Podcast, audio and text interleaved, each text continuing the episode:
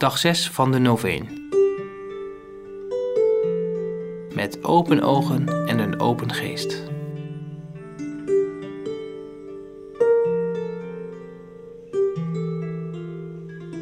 Het is vaak erg pijnlijk om de werkelijkheid onder ogen te moeten zien. Want dan zien we pas wat we gewoonlijk graag willen verbergen. Het nieuwe misbruiksschandaal leert ons hoezeer open ogen en een wakkere geest nodig zijn, zelfs in de kerk.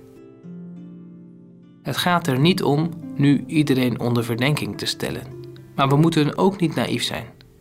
Het feit dat iemand zich aanbiedt in de naam van Jezus wil nog niet zeggen dat die persoon ook handelt in de naam van Jezus. Wij worden allen uitgedaagd om zaken die ons als vreemd voorkomen aan te pakken. Alleen op deze wijze kunnen we toekomstig misbruik voorkomen.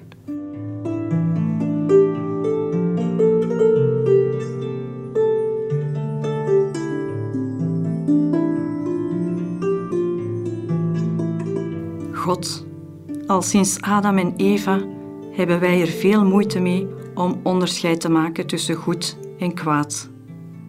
Ook vandaag de dag is het niet altijd makkelijk om te weten wie kan vertrouwen en wie niet.